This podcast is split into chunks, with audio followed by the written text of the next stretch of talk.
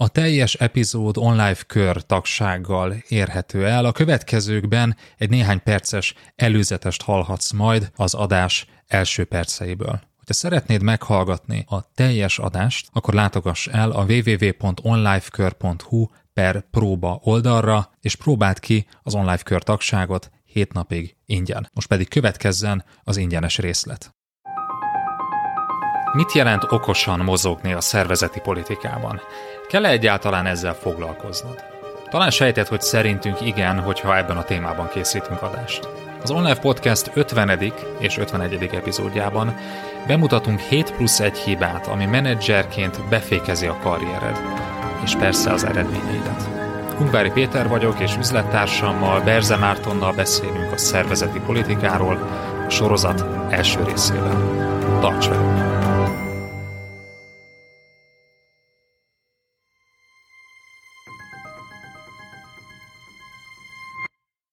Ebben az adásban szervezeti politikáról és nem pártpolitikáról fogunk beszélgetni, és eh, hogyha a politikát olvasva azonnal az jutott eszedbe, hogy hát engem ez a téma érdekel, akkor hallgass meg a Politika a munkahelyen című adásunkat, ahol arról beszélünk, hogy szabad-e munkahelyen politizálni.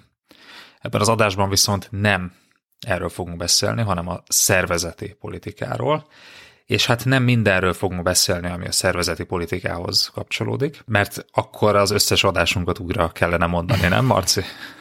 Nagyjából igen.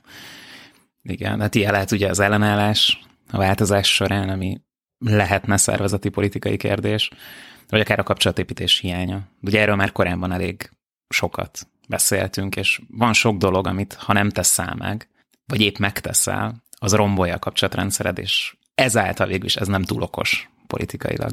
Most viszont nem ezekről fogunk beszélni. Nem. Helyette olyan témákról, amelyeknek elsősorban a szervezeti politikában van negatív hatása számodra, és itt fejtik ki az elsődleges hatását, ez a 7 plusz 1 hiba, amit hogyha menedzserként elkövetsz, akkor az befékezi, sőt, akár meg is akaszthatja a karriered, az eredményességed. És ezért érdemes ezt hallgatnod, mert minél magasabbra kerülsz egy szervezetben, annál több lesz a szervezeti politika, annál több lesz a kapcsolati hatalom, amire szükséged van, és annál gyorsabban akadhatsz meg, hogyha ezeket a hibákat elköveted. És jobb ezt minél hamarabb megismerni, és nem akkor, amikor az első nagy pofonba beleszaladsz egy szervezet magasabb lépcsőfokán. Nézzük is a nulladik hibát.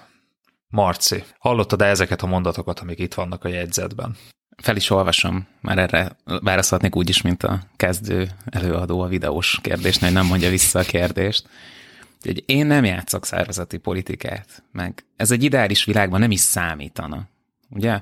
Na most ezeket a mondatokat rendszeresen halljuk, látjuk, olvassuk, mondjuk LinkedIn-en, Ugye vannak emberek, akik rendszeresen megírják, hogy 5-6 helyen dolgoztak, minden munkahelyen mindenki hülye volt, kontraszelektált volt a kiválasztási folyamat, ugye erre szoktuk ezt ilyen magyarosan írni, hogy mindenhova csak a csókosokat ültetik be, akik jól benyaltak a főnöknek, és az a helyzet, hogy elhisszük, hogy léteznek ilyen helyek. Hát elhisszük azt, hogy vannak olyan helyek, ahol tudom, a protekció, meg a, meg a törleszkedés szervezi meg a napi munkavégzés menetét, és azt is elhisszük, hogy valaki két-három ilyen helyet is kifoghatott már a karrierje során. Viszont amikor valaki sorozatosan azt látja, hogy itt semmi nem normális, hogy, hogy csak szervezeti politikával lehet előre jutni, ez számunkra ennek van egy egészen más üzenete. És ez az üzenet nem túl hízelgő, lássuk be. Így van. Hogyha azt mondod több munkahely után is, hogy mindenhol, ahol csak dolgoztam, minden igazságtalanul történt, kinevezések és mind így történtek. Ez számunkra azt üzeni, hogy az egész világ körülötted forog. Tehát az állításod szerint az a megfelelő munkahely, ahol minden pontosan úgy történik, ahogyan te logikusnak látnád, ahogyan az számodra értelmes lenne. Ugye függetlenül attól, hogy mondjuk az előző hat munkahelyetből öt egészen jól teljesített a cég is. Nem ment csődbe, az ügyfelek elégedettek voltak. Ettől függetlenül úgy kellene történni a dolgoknak, ahogyan az számodra logikus. Ott van négy lehetséges kinevezett, azok közül te vagy az egyik, és nem téged neveznek ki, meg nem is a barátodat, hanem egy másik szemét, aki rengeteg kapcsolatot épít. Ez így nem normális. Ez szervezeti politika, ugye?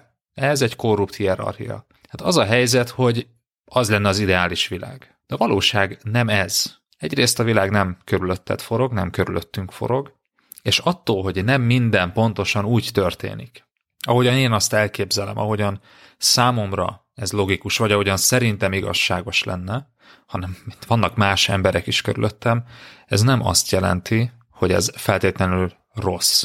Eddig tartott a podcast ingyenesen elérhető része. Hogyha szeretnéd meghallgatni a folytatást és a további több száz vezetői tananyagot a hozzájuk tartozó írásos jegyzetekkel és videókkal együtt, akkor látogass el a www.onlifekör.hu per próba oldalra, ahol az első hét napban ingyenesen teheted meg mindezt. www.onlifekör.hu per próba.